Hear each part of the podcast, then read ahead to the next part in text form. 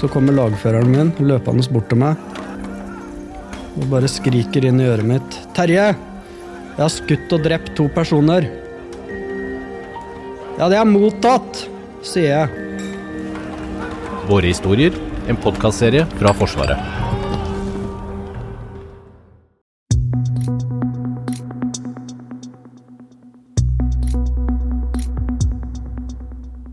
Norge, Sverige, Danmark og Finland har nettopp blitt enige om å samle alle kampflyene sine i én luftstyrke. Det er til sammen nesten 250 jagerfly. Og den nordiske avtalen skal ikke bare gjelde kampfly, men også patruljefly, overvåkningsfly, luftvern og radarsystemer. Men hvor slagkraftig blir egentlig denne nordiske styrken? Og hvordan skal vi klare å samarbeide når svenskene har et helt annet jagerfly enn oss? Du hører på Forsvarspodden. Jeg heter Lars Hallingstorp.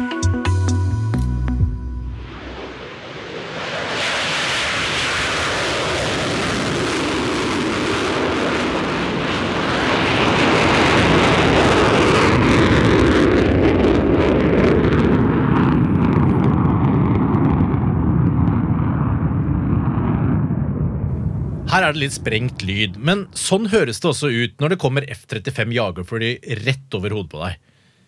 Morten Hanke han er kampflypilot og flyr F-35. Han synes det er kjempebra at eh, de nordiske landene nå skal samarbeide enda tettere. Det tror jeg blir eh, helt, eh, helt utmerket. og Vi har jo jobba med både svensker og finner, og, for så vidt dansker også, i mange år. Siden allerede tidlig 2000 så begynte vi jo regelmessig trening med finner og svensker. Og det har vi holdt på med regelmessig fram til nå. Vi går jo inn etter påske, så skal det jo arrangeres en stor um, felles øvelse. ACE 2023. To år for der hadde vi forrige, og dette er på en måte en lang rekke med større øvelser, men også type månedlige mindre treningsseanser. Så um, summen av alt det her gjør at vi, vi har jobba mye sammen. Og vi er jo godt integrert og, og veit åssen vi skal jobbe sammen. Og, så det tror jeg blir uh, veldig enkelt å fortsette. Vi har jo holdt på i årevis og, og truffet hverandre ganske jevnlig. Så da, da, blir det jo på hils med hverandre etter hvert. Og det er deg igjen, ja. Takk for sist. Og, Klart det er en fordel, for det er mye av det, det her Når vi snakker om det med for mer deling av informasjon, og sånn, så handler det om å bygge tillit og bli godt kjent. Og det ser at nei, vi, er, vi, er, jo, vi står sammen, vi har samme interesser og vi vil i samme retning. Så, så går de og snakker med sine ledere, og vi snakker med våre ledere. Og så, så driver vi hele, hele um, konseptet videre, da. Så nei, det med bekjentskaper, det tror jeg er en veldig viktig bit av det. da. At, eh, at vi kjenner hverandre.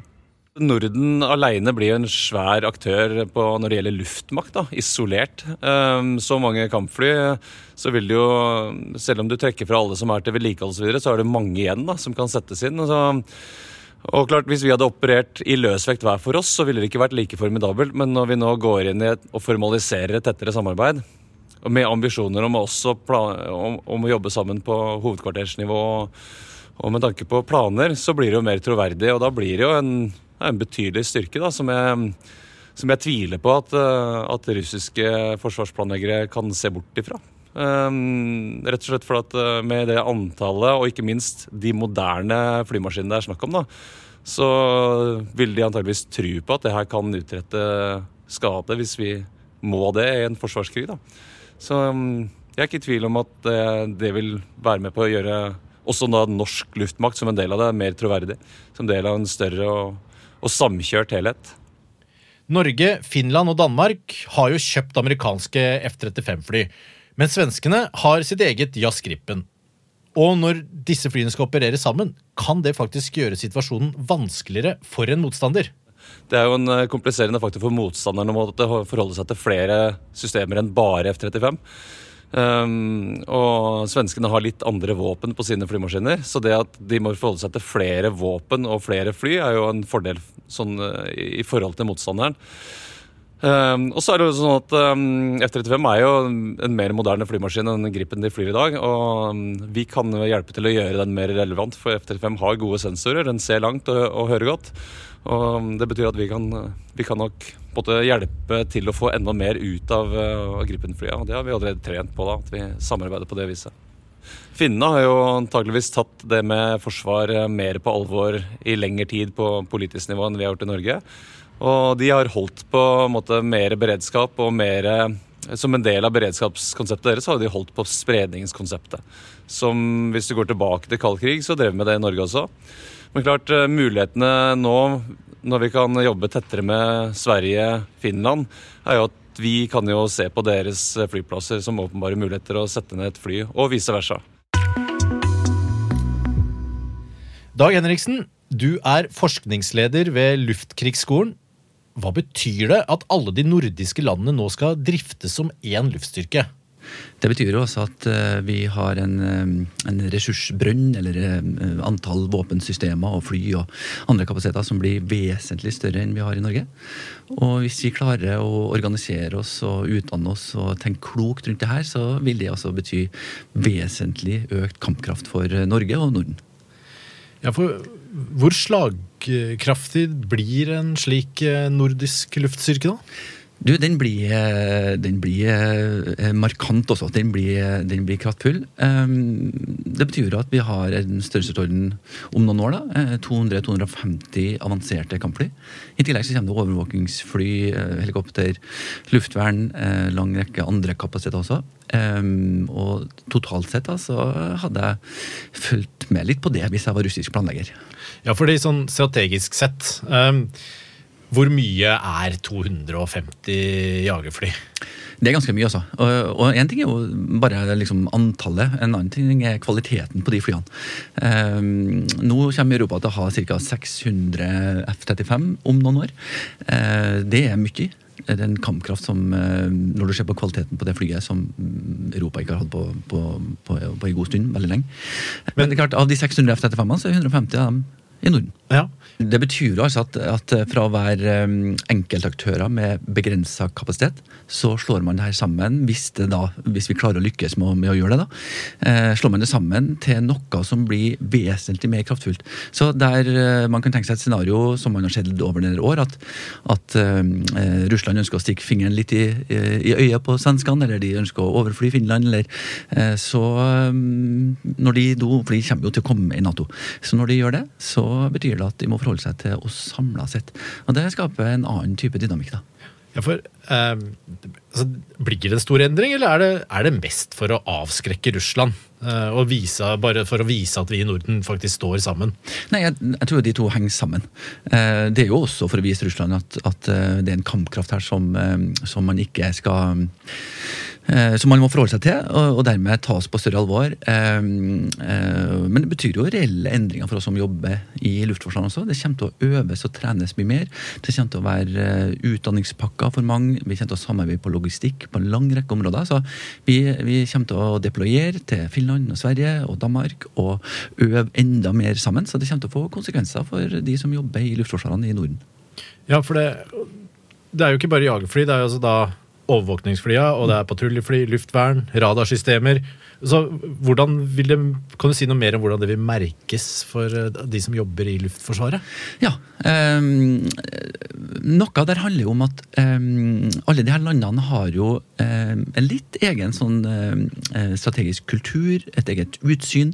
Finland eksempelvis har jo veldig sånn fokus på grensa si mot Russland. Sverige har tradisjonelt sett mer mot Gotland og mer mot Baltikum og Kaliningrad. vi har sett veldig mye opp mot nord- og Kolahalvøya, strategiske uh, ubåter osv. Uh, og nå må vi jo lære hverandre å kjenne. Det betyr jo at vi må deployere og øve sammen med finnene og bli fortrolig med uh, hvordan de tenker. Uh, vi må bli fortrolig med hvordan Sverige tenker rundt sin strategiske virkelighet, og, sammen med Danmark. Og de må lære seg hvordan vi tenker strategi, hva vi er opptatt av, sånn at vi sammen kan på en rask og fleksibel måte bruke ressursene der det trengs. Ja, fordi i Norge har jo vi vært opptatt av å være Nato i nord og overvåke de store havområdene mm. eh, våre. Mm. Og med maritime patruljefly passe på de russiske ubåtene som må passere forbi. Mm. Men nå kan vi også bli sendt til Østersjøen eller på grensa mot Russland mellom Finland og Russland. Det er rett og slett det det her betyr, da. Ja, Og det, så det ligger jo i sakens natur. Eh, hvis vi skal være én en enhet som skal bruke ressursene kollektivt og samla, så betyr det at det er der eh, det trengs at det må settes inn. Eh, og da må vi øve på det.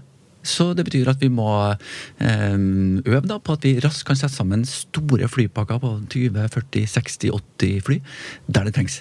Og da må vi vise både Sverige og Finland og Danmark og Russland at vi kan øve for å beskytte Danmark eller Sverige eller Finland eller Norge. Eh, og det må vi øve på jevnlig, sånn at det blir en troverdig så at Russland og andre ser at eh, der får vi til.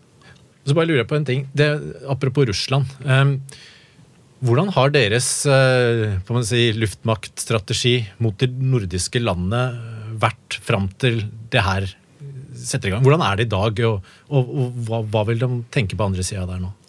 Nei, jeg, jeg, jeg, tenker at Russland jeg, jeg, tror ikke de har en spesifikk eh, luftstrategi mot Norden. Eh, men det vi har sett, det er at de har flydd i Østersjøen. De har utfordra svensk luftrom, de har utfordra finsk luftrom. De har jo delvis også utfordra eh, norsk luftrom. Eh, eh, jeg tror at de, eh, når de nå ser at de to nasjonene blir med i Nato, at de ser at vi opererer sammen, så tror jeg de både er litt nysgjerrige på hvordan det her er og har lyst til å teste litt. Ned. Eh, men jeg tror også de har en dyp respekt for den kapasiteten som det representerer.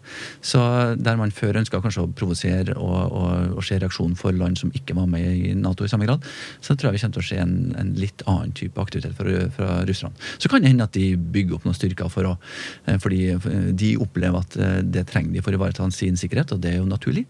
Det forstår vi godt. Vi har ingen ambisjoner på offensivt. Vi ønsker bare å få være i fred.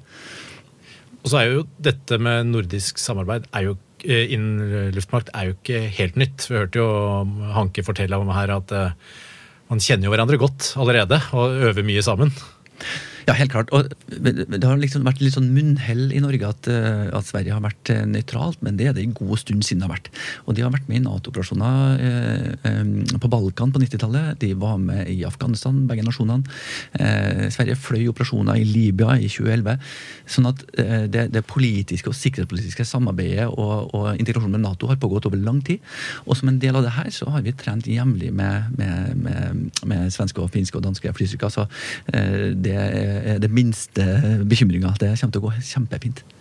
Og så er det sånn at eh, Svenskene de har jo et helt annen flytype. Mm. De har jo sin egen jazzgripen. Ja.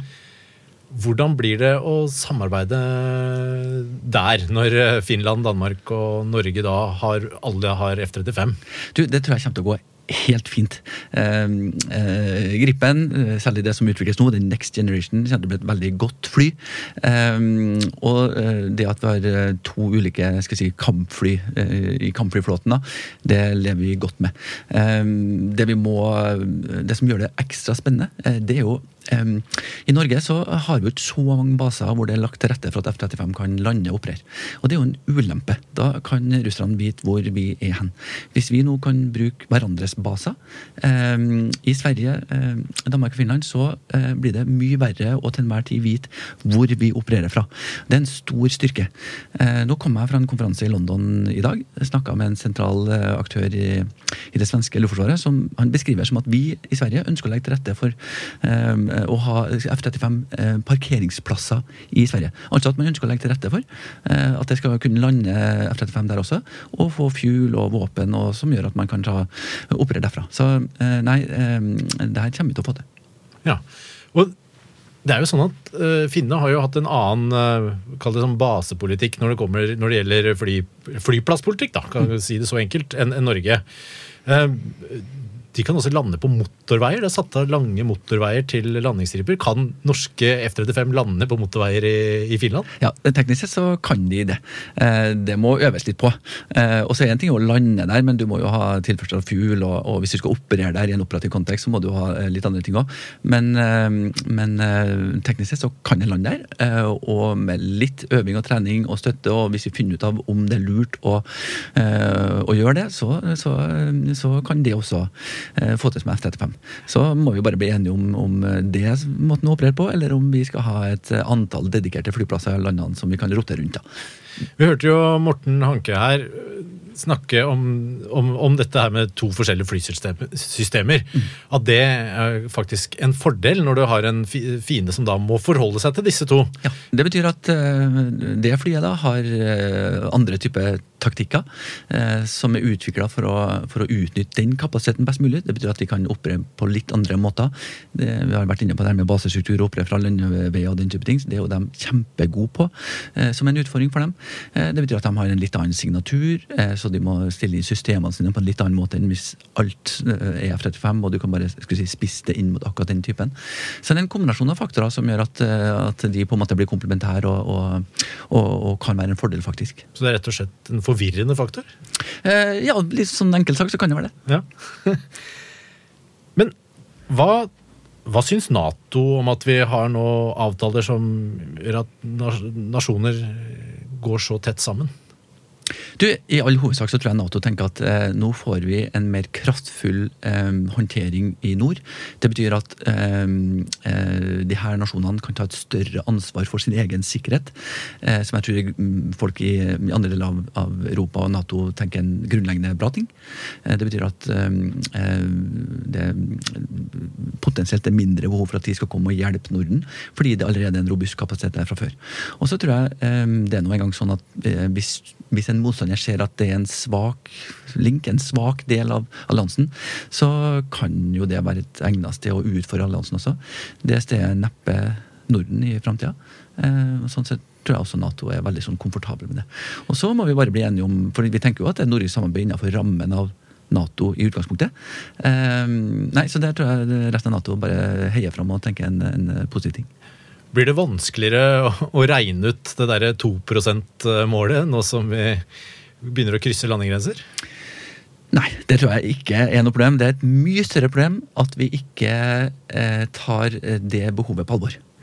Akkurat den matematiske regneferdigheten, det skal vi få til.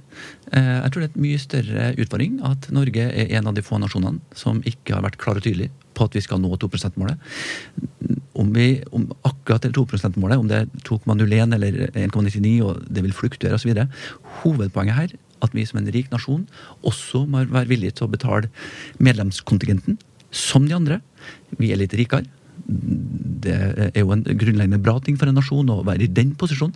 Så vi kan ikke altså eh, skyve det ansvaret over på mindre rike nasjoner. At de skal nå 2 %-målet. For vi vet vi er en liten nasjon som trenger hjelp. Um, og det at vi ikke har vært villige til å nå eller snakke eller være tydelige på å nå 2 %-målet, syns jeg egentlig er litt trist. Jeg skulle ønske at vi hadde vært tydeligere på det. Regnekapasiteten, det skal vi få til. Nå er du ekspert på luftmakt, men kan det her være starten på et uh, tettere nordisk forsvarssamarbeid på andre områder, tror du? Ja, det tror jeg. Absolutt. Så um, i mange år så har jo nordisk samarbeid vært, eh, særlig på den politiske venstresida, et eh, alternativ til Nato.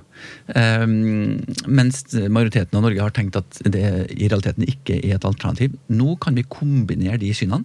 Så eh, nordisk samarbeid i rammen av Nato, um, det, det, det tror jeg veldig mange ser på både økonomisk og politisk og militært strategisk som bare veldig klokt. Og øh, nå ser det ut som om det er på luftsida at øh, man har kommet lengst. Man har satt mest kraft, men at det her også får konsekvens for hær og sjø, er jeg ganske sikker på. Så det at vi nå begynner å samarbeide rundt logistikk, rundt utdanning, rundt andre ting, skaper tror jeg en dynamikk som gjør at vi kommer til å se nøye også på hvordan hær og sjø kommer til å samarbeide med nordiske allierte. Du leder jo også eh, sjef Luftforsvarets strategigruppe.